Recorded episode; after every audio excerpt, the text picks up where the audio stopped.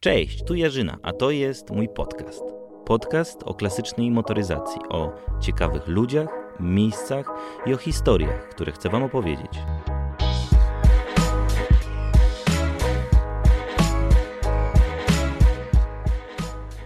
Cześć, witajcie wszyscy w podcaście Jarzyna Film. Ten odcinek możecie też zobaczyć.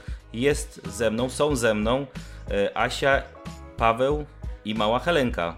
Cześć, witajcie. Cześć, Cześć, witamy. E, Słuchajcie, mm, e, dokonaliście czegoś, czego tak naprawdę, o czym wielu pasjonatów polskiej motoryzacji, ale też ogólnie motoryzacji i też miłośników e, podróżowania dosyć odległego może tylko pomarzyć. Dokonaliście przejazdu dużym Fiatem 125P, polskim Fiatem 125P e, przez całą ziemię dookoła. No i wróciliście. O tym zaraz jeszcze będziemy rozmawiać. E, Natomiast ja zapytam Was na sam początek, skąd w ogóle taki pomysł na taką wyprawę? Ja tylko chciałbym uściślić, że jeszcze nie wróciliśmy, bo auto cały czas czeka w Portugalii na nas, ale no już z Portugalii do Polski w skali pozostałych części świata to już jest, już jest niewiele, także, także no lada moment, jak tylko kwarantanna gdzieś tam zostanie zwolniona w kilku krajach, to przejedziemy i zakończymy, ale już niewiele zostało. No natomiast pomysł, e, Chyba każdy marzy o podróż dookoła świata. No tak jak wspomniałeś, to jest, to marzenie wielu, wielu z nas, a e, znaczy, no przede wszystkim było nasze wspólne marzenie, a poza tym e, no ja jako fan motoryzacji nie tylko polskiej, zabytkowej, ale przede wszystkim starej motoryzacji, zawsze marzyłem, żeby zrobić to dużym Fiatem, bo wypraw e, było kilka już takich, takich motoryzacyjnych, też z Asią byliśmy na Bałkanach, kiedyś byliśmy w Stambule, tych przejazdów trochę było, no i tak do głowy przyszło, no to czemu nie ruszyć w tą największą epicką podróż dookoła świata. No i od słów do czynów, zamiast, zamiast siedzieć tylko marzyć, stwierdziliśmy, no to dobra, to Robimy. robimy, rzucamy pracę i wynajmujemy, wynajmujemy mieszkanie i wyjeżdżamy. Nazwa Waszego zespołu dwuosobowego, teraz już trzyosobowego, e, to jest dookoła Fiata. E, To jest połączenie, jak rozumiem, e, nazwy wyprawy dookoła świata, no i Fiata, którym jechaliście. Natomiast, co jest ciekawe, tą nazwę, z tego co pamiętam, mieliście już w momencie, dużo przed tym, jak zdecydowaliście się wy, wyruszyć. Więc skąd, k- kiedy pierwszy raz pojawiał się, pojawił się u Was pomysł tej wyprawy? Pomysł wyprawy w mojej głowie pojawił się, ojej, nie wiem ile lat temu. Z 8 lat temu na pewno? Jakoś tak, no pierwszy wyjazd y, pod znakiem FSO był z 12 lat temu do Odessy, polonezami ruszyliśmy ze znajomymi. Później tych wyjazdów było troszkę, troszkę innych. e, Później jeździłem Fiatami, przeskoczyłem na Fiaty, więc, więc jakoś tak wyszło, że, że ten Fiat się pojawił jako główny środek lokomocji takiej podróżniczej po Europie i okolicach. Mm, Ale najważniejsze jest to, że nie, miałem partnera, no bo sam wyjazd no, można zrobić samemu, ale to, to, no to nie jest do końca to. No ja, nie wiem, ja jestem taką osobą, która chciałaby z kimś dzielić e, radości i smutki wyprawy. No i w końcu 4 lata temu w zasadzie udało mi się poznać Asię, która też o takim czymś marzyła. No więc e, siedliśmy i ruszyliśmy. Więc nazwa rzeczywiście, tak, tak, tak jak dobrze zauważyłeś, nazwa jest od, od dawna. no, już od wielu lat naprawdę. Natomiast, e, no, no, ta, natomiast ta wyprawa to jest takie uwieńczenie całego projektu. Mhm. A powiedz mi, skąd w ogóle pomysł na, na Fiata? Co to za Fiat? Yy, Jakbyś trochę o nim opowiedział dla, dla tych, którzy interesują się motoryzacją. Chodzi o ten egzemplarz, tak? Tak, co, i jak go nabyłeś? Ósmy, siódmy albo ósmy Fiat z rzędu, który, którego posiadam. E, w- Polowałem na kombi, no bo jeżdżenie sedanem mm, jest mniej praktyczne. Nie da się aż tylu rzeczy wpakować w niego. Nie da się awaryjnie spać w sedanie. No, wszystko się da oczywiście, ale, ale nie na dłuższej trasie, więc, więc w grę wchodziło tylko kombi. Miałem jedno wcześniej, które nie spełniało oczekiwań, więc szukałem Fiata, który będzie w bardzo dobrym stanie, albo względnie dobrym. No i znalazłem go pod Wałbrzychem 5 albo 6, 6 lat temu, jak, go- jak go kupowałem, pod Wałbrzychem stał. E, Zresztą od wielkiego fana marki, e, facet razem z synem posiadali kilkanaście w Polonezów, Borewiczów i dużych Fiatów. Tego zrobili, mieli trzymać dla siebie, ale w końcu go sprzedawali. On był po generalnym remoncie. To, jest, to nie jest karetka, to jest oryginalnie e, kombi sprzedane dla osoby, która prowadziła jakiś swój własny biznes rolny. Miał mały przebieg, około 100 tysięcy z haczykiem, małym haczykiem, na zasadzie chyba 120-130 tysięcy. I to było widać, no, do, do, do dzisiaj to widać po wnętrzu, po zawieszeniu. Miało zrobiony remont blacharski. E, no i prezentował się całkiem nieźle. No, nie był może perfekcyjny, ale naprawdę dobrze był zrobiony. No, ja nim pojeździłem z Asią też kilka No, wypraw, tak. Później był jako daily driver używany, no i w, troszeczkę podupadł, zwłaszcza mechanicznie. No i przed tym wyjazdem stwierdziliśmy, że nie możemy sobie pozwolić na to, że gdzieś nam padnie w Pakistanie, czy, czy w Indiach, albo w Nepalu i będziemy mieli problem. Więc w zasadzie wymieniliśmy wszystko. Dosłownie została tylko karoseria i fotele e, ze starego. Więc wszystko. Od silnika, skrzynia, most, wał, e, zawieszenie, przewody paliwowe, hamulcowe, bak. Wszystko. Dokładnie wszystko zostało wymienione na, na albo nowe, albo zregenerowane. No i tak też wyruszyliśmy. No i pewnie dzięki, dzięki temu posypał się dopiero w Kalifornii. Powiedzcie, jak wyglądały przygotowania do całej tej trasy? Mam na myśli mapy, fundusze, modyfikacje Fiata. Mapy, no całą, cały świat przejechaliśmy na, na Google Maps. Tak, to może być śmieszne, ale pokazuje tak naprawdę, jakie to jest łatwe. No, z jednej, z jednej strony. My byliśmy, ja pytałem znajomych, którzy jeź- jeździli gdzieś tam po Azji Centralnej, czego używali, ludzie mówili Maps.me, to jest podstawa, jeszcze dodatkowo radzieckie mapy wojskowe, tego musicie używać, zwłaszcza tam w Azji Centralnej, Pakistanie i tak dalej. E, Jak będziecie jechali przez Iran, tylko jakieś tam radzieckie mapy wojskowe. Ja my mówimy nie, tylko i wyłącznie Google Maps. wystarczy. Cały świat na Google Mapsie, bez żadnego problemu. W każdym kraju kupowaliśmy kartę, e, lokalną SIM, telefoniczną. Mieliśmy internecik, odpalaliśmy i ka- każdego dnia planowaliśmy. Znaczy, to też nie jest oczywiście takie łatwe. No, zanim ruszyliśmy, trzeba było mniej więcej zaplanować całą trasę. To znaczy chodziło głównie o kraje, miasta, granice, którymi przejeżdż- przeje- przejściami granicznymi będziemy jechali. Bo to nawet nie jest tak, że w danym kraju są jakieś obostrzenia, ale na poszczególnych przejściach granicznych to się zmienia. Więc zależy, czy wyjeżdżamy z Myanmaru do Tajlandii e, północnym, środ- środkowym czy południowym przejściem granicznym, zupełnie inne dokumenty są potrzebne. Też nam się młoda powoli budzi. E, więc więc to, to było skomplikowane troszeczkę, no ale nie da się też na podróż, która trwa 15 miesięcy, zaplanować każdego dnia i każdego punktu trasy. Będzie, że się wiele zmienia. Wyruszamy, okazuje się, że most się zawalił, albo trasa jest w budowie i trzeba coś, coś korygować. Także to nie było takie łatwe, jeżeli chodzi o, o, o tą logistykę. A auto? Auto to jest seria, oprócz tego, że ma silnik 1600, a nie 1500, to tylko dla, dlatego, że taki silnik dorwaliśmy z mikroprzebiegiem w stanie perfekcyjnym. Ma wyższe zawieszenie, wyższe sprężyny, potrójne, grubsze resory podwyższone. To się przydało wiele razy, pod, podwyższone zawieszenie. I ma z przodu To hamulc... zrobiliśmy w Myślenicach. Tak, w Myślenicach u specjalisty strasznie polecamy. Starszy pan ma niesamowity zakład kowalski i robi świetne resory. Nie tanie, ale świetne. Na to mamy małą przerwę. Asia musi odejść na chwilkę. Eee, no. I hamulce zostały zmienione. Mm, hamulce są z Fiata Palio 2.0, podwójne wentylowane tarcze, e, które się lepiej sprawdzają. Nie perfekcyjnie, ale lepiej. Trzeba było trochę za- zawieszenie przerobić pod nie. No i bagażnik dachowy. Trochę nowej elektryki jest, bo jest, e, bo jest przetwornica, drugi akumulator e, żelowy z tyłu, taki kempingowy, że można było sobie włączyć w nocy farelkę, podładowa- podładować cokolwiek. Jest z tyłu zabudowa z wysuwaną kuchnią, składowaną w bagażniku, e, która się rozkłada po złożeniu foteli, tak, że można spać. Znaczy, my możemy spać, czyli osoby do metra 78 wyprostują się w całym aucie. I to pokrótce, pokrótce, pokrótce tyle. Czyli tych modyfikacji tak aż dużo nie ma. Można powiedzieć, że to jest bliski samochód do seryjnego. To nie jest samochód zbudowany od zera, ale wyglądający na zewnątrz jak Fiat 125P. Nie, no ale też, też właśnie o to chodziło, żeby pokazać, że jednak no, polski produkt y, niespecjalnie może ym, udany, e, ale też może, że, że po prostu prostym autem, które jest, jest naprawdę, no tak naprawdę to nie jest Fiat, to nie jest auto, które się psuje bardzo. Coś tam, jakieś delikatne może awarie bywają, ale to ciężko naprawdę to auto tak zepsuć, żeby unieruchomić i nie jechało dalej. Więc to jest proste auto, które można naprawić w rowie. No i na tym nam, nam też zależało, nie żeby zmieniać nam jakieś mocniejsze silniki, czy coś, coś w tym stylu. Zawieszenie, no i hamulce. No, hamulce z przodu to, to jest raczej podstawa. To będzie, że mieliśmy sporo odcinków górskich w różnych miejscach. Jechaliśmy też przecież przez, e, przez Nepal, gdzie, gdzie były różne ciekawe wywiasy, zakręty i zjazdy. E, o, tylko to głównie jest zmienione tak naprawdę.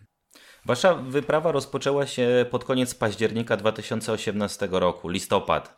E, miała trwać, jak pierwotnie mówiliście, 270 dni, około 9 miesięcy. E, miało być trzy kontynenty, 31 krajów, z tego co pamiętam, i e, więcej, 30, 37 krajów. 7 krajów i 31 tysięcy kilometrów, tysięcy kilometrów do prze, przejechanych. E, I miała się zakończyć w zeszłym roku. Trwa ona, jak już trochę na początku wspomnieliśmy, do teraz. E, I teraz powiedz mi, jak w ogóle wyglądało pierwotnie plan całej waszej trasy, tak pokrótce oczywiście, i jak bardzo ulegała ten plan i ta trasa modyfikacjom? No, wiele, wiele się zmieniło. Trasa miała być taka, że mieliśmy jechać przez Bałkany do Turcji, z Turcji przez e, Armenię, Azerbejdżan do, Gruz do Gruzji, dalej e, tak, dalej do Iranu, mniej więcej można powiedzieć. Później miał być Turkmenistan, Uzbekistan, Kirgistan, przejazd przez Chiny do Pakistanu. No i ten odcinek się głównie pozmieniał z racji tego, że mieliśmy spore obsuwy z wydawaniem wiz.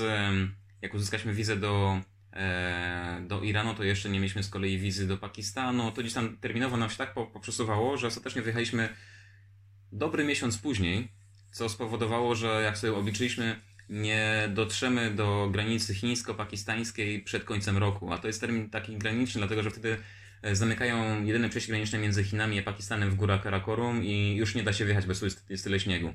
To i tak w grudniu było bardzo ryzykowne, bo widzieliśmy nagrania, gdzie, gdzie ludzie tam z łopatami odkopywali auta w śniegu i to byłoby bardzo ciężkie. Więc yy, no, nie chcieliśmy gdzieś tam utknąć w Chinach albo po drugiej stronie gór i trzeba byłoby wszystko dookoła wjeżdżać. Więc ten więc w sumie odpadło. Wypadł cały ten taki północny odcinek e, przy, przy Morzu Kaspijskim. E, I przez to pojechaliśmy od razu z Turcji do Iranu. Tam trochę więcej czasu spędziliśmy niż planowaliśmy. I później Pakistan. E, no niestety tutaj się pojawił przejazd przez cały Pakistan, czego chcieliśmy uniknąć z racji bezpieczeństwa. To było kolorowe, no i ciekawe doświadczenie. No i trochę, trochę przerażające czasami. W każdym razie udało się całość przejechać. No i dalej ruszyliśmy do Indii, Nepal, mm, no i cała Azja Południowo-Wschodnia, bez w zasadzie bez, bez Wietnamu, bo tam był wstęp płatny, wjazd płatny, tak samo jak zresztą do Birmy. No tylko, że Birmy nie da się ominąć, a, in, a Wietnam już dało się ominąć. No i dotarliśmy w zasadzie, w zasadzie do Singapuru. Mm, I tak to wyglądało, no później wiadomo Ameryka Północna i powrót do Europy. E, więc tutaj nastąpiła, nastąpiła pierwsza weryfikacja. E, no i to w zasadzie chyba, chyba tyle. No cóż, czas się pozmieniał, troszeczkę plan, jeżeli chodzi o zakres wyjazdu. No też pandemia nas tutaj złapała, auto stoi, mhm. komplikacje no właśnie, w porcie. Właśnie, właśnie miałem o tym powiedzieć, bo wyprawa dookoła świata to jest wyprawa, która może i pięknie brzmi na początku, natomiast to jest wyprawa naprawdę dla twardych ludzi. To jest dla ludzi, którzy nie przejmują się jakimiś małymi porażkami. Jeżeli chodzi o takie chwile zwątpienia, które mieliście, czy dużo ich było? Bo ja pamiętam trzy takie trudne momenty z tej całej waszej wyprawy. Jeden, jedna to jest moment, w którym musicie spotkać się z kosztami, jakie trzeba zapłacić za wysłanie samochodu kontenerem z Azji do e, Ameryki Północnej. Drugi to jest jak ten samochód wam się psuje w Kalifornii, a trzeci, no to jest teraz, który trwa, podziwiam za Waszą wytrwałość. E, to jest ten czas oczekiwania w Portugalii na samochód, żeby go odzyskać. To są takie trzy momenty. Jak wy, jak wy wspominacie, jak ty wspominasz e, te, te momenty, kiedy trzeba było zacisnąć zęby i powiedzieć, jedziemy dalej? I czy ich było dużo? No, no bardzo miło, że, że tak pamiętasz te momenty i że śledziłeś wszystko, to, to, to miło słyszeć. Eee, wiesz co, na, na pewno był jeden taki, o którym nie pisaliśmy, znaczy taki psychiczny, że, że w pewnym momencie, nie wiem kiedy to się to było, że stwierdziliśmy, że jednak mamy dość i że trzeba było polecieć samolotem, a nie jechać tym gra, gratem. Było kilka takich momentów na pewno, ale czasem wystarczy się z tym przespać i to naprawdę mija. No, wiesz co, no jest, jest taki jeden wielki motywator pozytywny, jak w pewnym momencie patrzysz na mapę otwierasz sobie Google Maps, oddalasz i patrzysz, o kurde, gdzie my jesteśmy w końcu. Wiesz, to, to wiesz, to nie jest wycieczka do, no nie wiem, do Czech czy coś. Patrzysz i przejechałeś pół świata w zasadzie już i to, to nagle mówi tobie, że no to jednak ma, ma sens i fajnie, fajnie się jedzie. E, a te rzeczy, o których mówisz, no na pewno się finansowo rozjechaliśmy z oczekiwaniami, bo nam fundusze na cały wyjazd skończyły się w Singapurze, jak auta mieli, znaczy po wysyłce już, czyli po zapłaceniu za wysyłkę do Ameryki Północnej. Już się okazało, że Kasa nam się skończyła. Oj, Olu. Czyli taki wy, wywiad przerywany. Tak, tak, tak No życie było- wygląda, ale- tak ale chyba wiesz- też wyprawa wygląda. Tak, trochę tak. No i wiesz co, no, no wtedy jak wysyłaliśmy, zastanawialiśmy, zastanawialiśmy się, czy wysłać auto do Europy i, i olać to, czy do Stanów. No, no przejazd przez Stany szacowaliśmy z wysyłką do Europy na jakieś 30 kilka tysięcy złotych. Rodzice mówili, czas wracać do domu i zakładać rodzinę. No co się zdarzyło Postanowiliśmy po drodze. jechać dalej i założyć I założyć rodzinę. rodzinę. No, więc y, wiesz, no to szacowaliśmy to na jakieś tam 30-40 koła z powrotem do, do przez, przez Stany, z transportem do Europy i do, z Europy do Polski. No, to jest trochę, ale, ale to nie jest coś, czego nie dało się nam zarobić w, w pracy w Norwegii przez dwa miesiące. Tyle udało się dokładnie odłożyć. No i stwierdziliśmy, dobra, no to, no to robimy to. Jak powiedzieliśmy A, to powiemy, powiedzieliśmy, powiemy B. No, najcięższy odcinek, czyli przez całą Azję, która jest najbardziej hardkorowa, przejechaliśmy, to przez Stany nie przejedziemy. No i tu daliśmy radę. Awaria. Każdy, kto na nas, e, kto nas oglądał, w tym nasza rodzina, trzymała kciuki, żeby to auto się w końcu sk- skrzaniło. No i skrzaniło się w Kalifornii, tak dokumentnie można powiedzieć. E, No ale wiesz, no to nie są, nie są rzeczy, których nie da się zrobić. No, ktoś do nas pisał, zresztą właściciel FSO Service e, w Warszawie, jak to się okazało, słuchajcie, mówcie gdzie, ja wysyłam wam cały silnik złożony na nowych częściach. No i jak słyszysz takie rzeczy, ktoś mówi, ja mam w Nowym Jorku silnik, wysyłam wam co chcecie. I jak nagle otrzymujesz, to, to, się, to, się, to się tak rozpełzło po internecie, ja, ja się nie spodziewałem. E, Złomnik do nas pisał, e, mieliśmy informacje też od e, Patryka Miki Kciuka. Nagle tyle osób do nas pisało, jak może, możemy, możemy wam pomóc. No to nie da się tego nie, nie ogarnąć. Także dwa tygodnie auto ruszyło dalej. E, no. No teraz, no, no co zrobisz, jak nic nie zrobisz? E, Płynnie przechodzisz, Portugalii. płynnie przechodzisz do mojego kolejnego pytania. To jest tak, że wyprawa dookoła świata, tak daleka i tak długa, to jest na pewno wspaniałe wspomnienia, miejsca, widoki, e, wrażenia, ale też i ludzie. A ja bym powiedział, że przede wszystkim ludzie. Kogo, kogo spotkaliście na swojej drodze? No to chyba przede wszystkim ludzie. Kiedyś, kiedyś to były widoki, później była kuchnia, a teraz to, to chyba rzeczywiście, tak mówisz, ludzie. E, no nasz wyjazd, wiesz co, z założenia był taki, że skoro jedziemy polskim samochodem, wyjeżdżamy z Polski, to ma być pierwszy w historii rzeczywiście objazd polskiego pojazdu dookoła świata, no to spotykamy się głównie z Polakami. To nie było oczywiście tak, że tylko się widywaliśmy z nimi, ale staraliśmy się z każdym, za, ka- za każdym razem widywać z Polonią, która wbrew pozorom jest wszędzie i, jest naprawdę fajnie zorganizowana. Czy to właśnie, czy to jest Tajlandia, Turcja, Indie, czy, czy, czy Stany. No to już wiadomo, że ta organizacja jest bardzo, bardzo fajna. Ludzie byli różni. No, ogólnie na pewno auto bu- budziło bardzo, bardzo dużo sympatii, no i sama idea podróży, więc to nam, to nam często bardzo pomagało. Ludzie nas zapraszali do siebie, do domów, pomagali nam. e, To naprawdę, naprawdę fajnie działało. E, No też wiele rzeczy takich ciekawych się wydarzyło, których, które pewnie mo- mogłyby się nie wydarzyć, gdybyśmy przylecieli po prostu na wakacje do Tajlandii.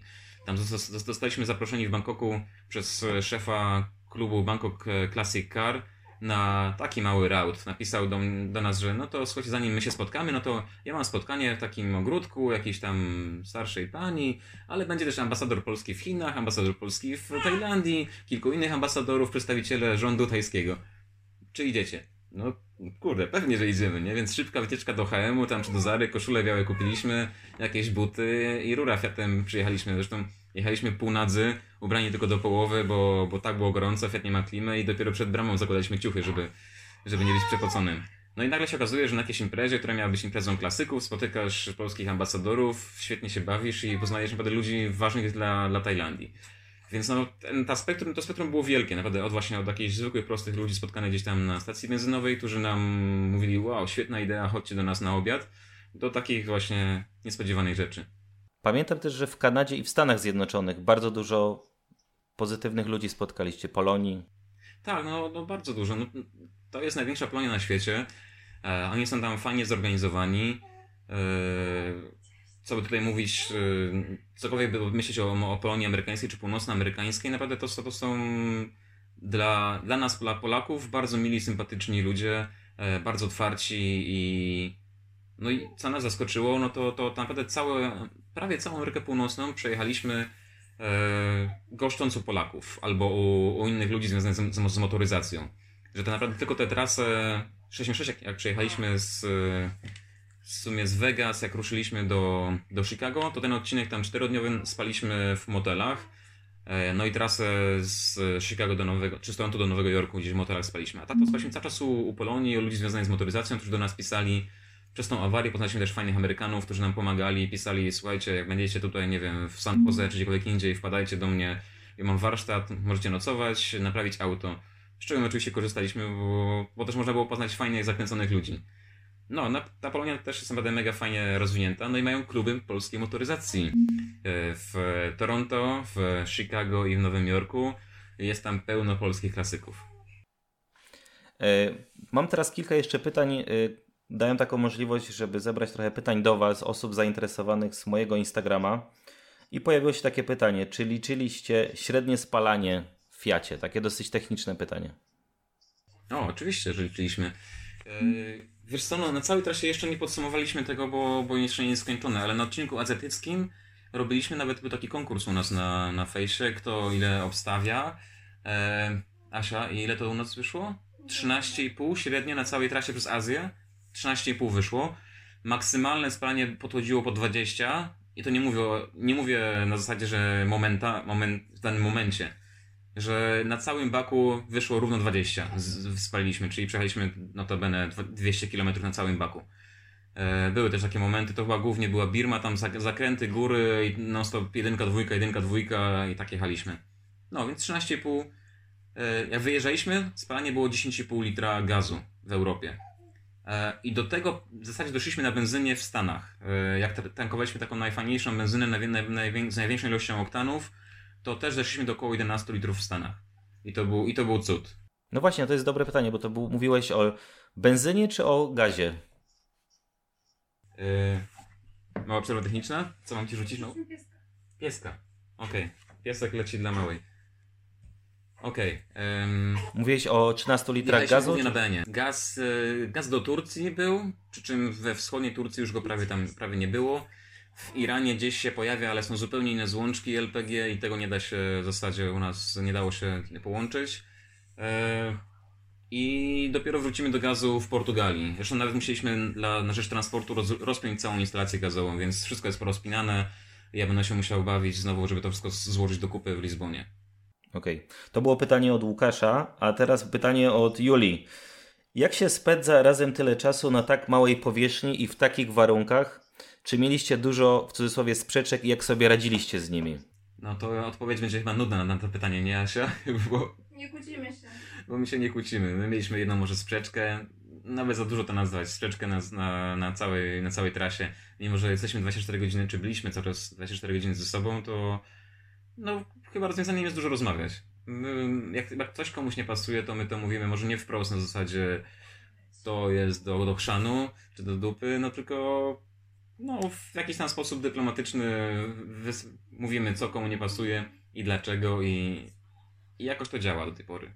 Jeszcze jedno pytanie od Grześka. Aspekty techniczne przygotowania Fiata, zarówno mechaniczne, jak i turystyczne. Ja myślę, że te mechaniczne już omówiliśmy w tak pokrótce, ale takich turystycznych rozwiązań, jakichś patentów, które mógłbyś polecić? No, ja bardzo się napalałem przed całym wyjazdem. No właśnie, bo to jest. Może zacznę od tego, że zależy gdzie ktoś jedzie i co będzie robił, bo e, no jak sobie ktoś pomyśli, jedziemy na wyprawę przez cały świat, e, ruszamy przez jakieś dzikie tereny, wjeżdżamy do Azji, przez całą Azję będziemy jechali, jakiś Pakistan, Nepal, no i dlatego musimy być przygotowani na wszystko. Ja chciałem założyć solary na dachu, e, no wolę jakieś niesamowite rzeczy. Nie ma żadnej potrzeby. Założyliśmy już przetwornicę, żeby ładować w trasie komputer, coś innego. Nie było potrzeby. Tak naprawdę wszędzie jest prąd, wszędzie jest internet, e, wszystko wszędzie jest bez problemu dostępne. Oczywiście, gdybyśmy mieli takiego kampera z prawdziwego zdarzenia, to by się przydawało, byśmy tam spędzali więcej czasu, no ale my i tak e, z racji małej powierzchni Fiata spaliśmy w nim może z 15% noclegów i owszem, to się, to się przydawało jakaś grzałka czy jakieś tam inne rzeczy. Ale, ale no, jak dla nas to, to nie było na pewno zmarnowane, bo to, było, bo to w awaryjnej sytuacji się przyda, ale to nie było aż tak potrzebne. Co było potrzebne, to na pewno było, była zabudowa kuchenna i do, do spania. Czyli mieliśmy, mamy, mamy taki boks ze sklejki, który się wstawia do bagażnika, e, ma szufladę wysuwaną, ma z tyłu taki schowek z klapką i ma też ukryty safe. E, jest między tym, tym boksem a kanapą Jest safe stalowy, który jest wkręcony do, do konstrukcji, więc y, nikt go tam raczej nie wyrwie, a tam trzymaliśmy głównie dokumenty, nie? No, więc to było przydatne. Więc ten box jest fajny, no bo można go wyjąć w dowolnym momencie, używać normalnie auta, później wstawić, rozłożyć fotele i on się też rozkłada na łóżko. E, no, więc to jest najfajniejsza rzecz, to rzeczywiście było ekstremalnie przydatne. Mieliśmy też lodówkę i ona by się niesamowicie przydała i to bardzo polecam, bo mam, mam mieliśmy lodówkę e, jak się nazywa ta, ta lodóweczka, pamiętasz? Nie wiem, jak się nazywało. Nie wiem, mogę sprawdzić i później tobie podać. Bardzo fajna wąska lodówka, ona miała z 20 chyba 4 cm szerokości. E, działa właśnie no, na, na 12, na 24 V e, i na, mm, i na 230. I to, to było bardzo fajne, natomiast musieliśmy się jej pozbyć, bo za dużo ważyła na początku, jak jeszcze nie mieliśmy resorów. I gdybyśmy ją wzięli, tego żałowaliśmy przez cały czas. Więc na pewno lodówka, fajna zabudowa do spania, zasłonki. O, to jest bardzo ważna rzecz. Mieliśmy zasłonki kupione z Ikei, z materiału takiego, który nie przepuszczał w ogóle światła. Wycięliśmy ją na rozmiar szyb, e, zamontowaliśmy gumki do przesuwania i można było całą część tylną razem z klapą osłonić i, i pójść spać. Więc to była świetna sprawa. Ta przetwornica przydaje się, ale co jak dla kogo, no nie zawsze, że tak powiem. Został Wam ostatni etap wyprawy, która trwa już 15-16 miesięcy, myślę. E, to jest, to jest odbiór. Jakbyś mógł powiedzieć kilka słów o tym odbiorze i o tym, ile czasu czekacie już na swój samochód? Jak to w ogóle na ten moment wygląda? Tutaj chyba tego do końca nie można liczyć jako trwanie wyprawy, no skoro siedzimy już teraz w Polsce z racji kosztów, a nie w Portugalii. Mm, też ja i tak nas spędziłem 3 tygodnie czekając na auto. No, wyprawy, czy znaczy przeprawy kontenerowe są dosyć skomplikowane niestety, nie są tanie. Eee, no, co dużo powiedzieć, no, nie jest to łatwa sprawa. Eee, my wysłaliśmy auto z, z Toronto 11 eee, wypłynęło, 6 pakowaliśmy, 11 wypłynęło z stycznia z Toronto. No i w zasadzie dosyć szybko, bo, bo około 11 czy 13 lutego już było w Lizbonie, czyli około miesiąca płynęło z małą przesiadką gdzieś tam w Rotterdamie. No i teoretycznie odprawa w polskich portach powinna trwać do dwóch dni, czyli kontener ląduje, dwa dni później wyjeżdżasz autem i wszystko jest, wszystko jest git. W Kanadzie to trwało dwa tygodnie, natomiast w Portugalii chyba w ogóle to jesteśmy pierwszym środkiem, który takie coś zrobił, bo, no bo urząd celny po, wymyślał 15 wersji, jak mamy to rozwiązać. Mm, I tak długo to wymyślanie trwało i dojście do tego, że rzeczywiście możemy jednak tym autem wjechać na teren Unii bez płacenia jakichś koszmarnych e, ceł i tak dalej. Tak długo myśleli, że zaczął się strajk e, w porcie pracowników, który trwał miesiąc. Po tym miesiącu pojawiła się koronawirus, zamknięto pracę urzędów, zamknięto wjazd do, do Portugalii z kwarantanną, kwarantanną dwutygodniową, no i się resztę można domyślić. No więc auto od tego 13 lutego stoi w Portugalii. Wczoraj, wczoraj co będzie wczoraj? Nie, w piątek zostało zwolnione wreszcie z portu i teraz stoi w jakiejś hali, o której my nie wiemy, bo, bo czekamy na informacje. No i być może będziemy mogli je odebrać na dniach. Na szczęście zaleta jest taka, że już za to y, nie płacimy, bo za każdy dzień pobytu, postoju auta w porcie od tego 11 lutego trzeba było płacić nieziemskie pieniądze. E, no i powrót e, zapewniała nam firma Raben, więc i oni za to płacili. Znaczy, na nasze szczęście mieliśmy patrona, czy mamy patrona, który nad tym wszystkim czuwał. E, no, zbieg okoliczności był taki, a nie inny, że to, że to wszystko długo, długo trwało. E, kosztów tego, tego transportu ze Stanów do Portugalii wolę się nie domyślać. Będziemy musieli porozmawiać z firmą Raben, jak się im za to odwdzięczyć, bo, bo na pewno przerosło to wszystkich oczekiwania.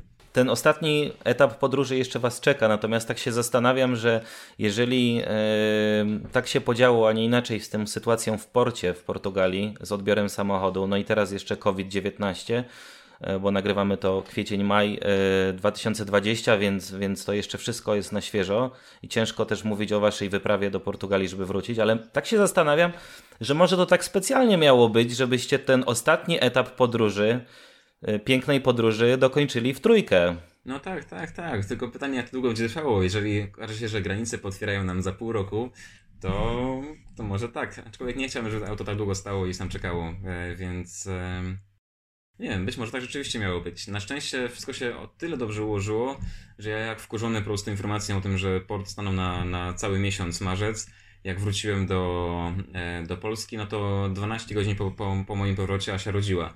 Więc to, to był akurat idealny timing, że tak się wyrażę. E, to teraz zapytam, co dalej? No bo jeżeli powiedzieć komuś przed waszą wyprawą, że objedziecie Fiatem 125P kombi, czy w ogóle takim samochodem tego typu, e, świat dookoła, to ktoś by nie uwierzył. Teraz to się stało, no poza tymi ostatnimi kilometrami powiedzmy, stało się faktem. To co teraz? Elon Musk i wysłanie Fiata na Marsa, w kosmos. Jak, macie jakieś plany, marzenia jeszcze? Oczywiście planów jest sporo. No, na pewno musimy teraz wiesz, od, odkuć się finansowo, no bo, bo wyjazd kosztował nieziemskie pieniądze, jeszcze tego nie podsumowaliśmy, ale, ale wiemy, że to będą bardzo grube, grube kwoty, grubsze niż się spodziewaliśmy. Eee, no, trzeba wrócić do pracy, ja muszę wrócić do projektowania jako architekt prawdopodobnie. Eee, zobaczymy. Troszkę musimy, musimy potem podziałać. No, oczywiście były plany na, na, na to, żeby ruszyć przez Amerykę Południową, e, przez Australię to, to wbrew pozorom nie są mniej wymagające rzeczy, e, no, a to równie, równie ciekawe. Mm, ja, zanim oczywiście zaczęliśmy tam rozgłaszać, że to będzie pierwsza, czy jest pierwsza wyprawa w historii polskiej motoryzacji, pokusiłem się o pewien, pewien research, żeby nie było tak, że rzucamy słowa na wiatr. E, I była ekipa e, dwóch maluchów w 74 bądź 5 roku, jeżeli dobrze pamiętam, która prawie dokonała tego dwoma maluchami w tamtych latach. I to, to dopiero mogła być rzecz. Zresztą i tak e, chłopacy, czy też mężczyźni, dokonali wielkiego, bo przecież przejechali z Polski do Indii i tam wysłali jedno auto już co prawda do Stanów i ze Stanów do, do Warszawy, więc prawie im się udało objechać dookoła świat. Natomiast no to, to, to był wyjazd, wyczyn naprawdę o, robiący, robiący wrażenie w latach 70. Coś ciekawego. Masz jeszcze jakiś, czy macie jakiś pomysł na wyprawy? No tak, tak, tak wspomniałem właśnie, raczej e, no chcielibyśmy może za, za jakiś czas, nie wiem jak to będzie wyglądało z wielu względów, ale, ale pewnie kiedyś chcielibyśmy właśnie pojechać do Ameryki Południowej na jakieś pół roku i objechać sobie cały kontynent wokół. E, Asia bardzo marzy o Australii e, i Nowej Zelandii. To są też oczywiście niestety przede wszystkim koszty. Zobaczymy. No, plany, plany są ciekawe. Fajnie byłoby tym Fiatem, jak już tyle przejechaliśmy, to jeszcze dobić do niego kilka kontynentów i, i krajów. E, no na razie, no, na pewno na razie się wstrzymujemy na, na kilkanaście miesięcy na spokojnie. Zresztą jest y, tyle materiału, które, które przywieźliśmy, tyle zdjęć, tyle ton wideo, które trzeba kiedyś w końcu obrobić i złożyć. E, no, zaczęliśmy powoli pisać książkę, chcielibyśmy może coś, coś, coś wydać, zobaczymy jak to pójdzie. Więc planowanie teraz kolejnego wyjazdu to, to, za dużo troszeczkę. No tak jak y, rozmawialiśmy, to jest wy, wyjątkowa wyprawa i była. Byliście pięknymi i nadal jesteście pięknymi, myślę, moim zdaniem, ambasadorami Polski za granicą. Y, przejechaliście kawał świata, pokazaliście Fiata. Myślę, że wiele osób nie wiedziało w ogóle, że taki produkt kiedyś istniał, więc myślę, że też trochę historii mogliście opowiedzieć przy okazji.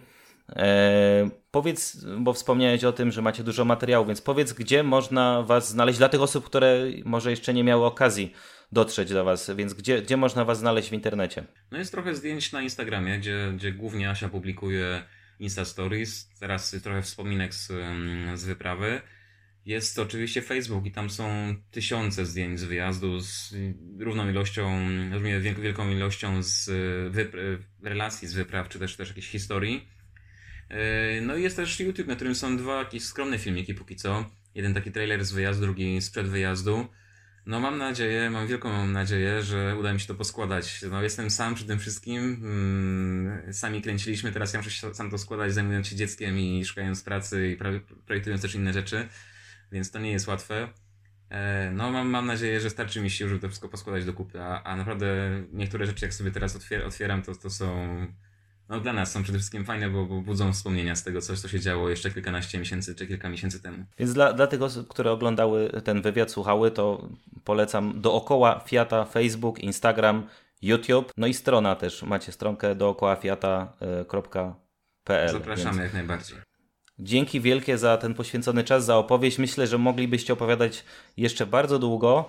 E, cieszę się, że wspomniałeś o tym, że myślicie, czy już zaczęliście pisać książkę, bo dla tych osób, które chciałyby się zagłębić w Waszą wyprawę i chociażby trochę na papierze pojechać z Wami, e, jeżeli wydacie już tą książkę, to będą mogły to zrobić. Kibicuję serdecznie i kibicuję też za kolejne Wasze wyprawy i jeszcze raz gratuluję powiększenia rodziny. No dzięki bardzo, dziękujemy. Dzięki za zaproszenie. Dzięki wielkie. Że można było się spotkać, chociaż wirtualnie porozmawiać.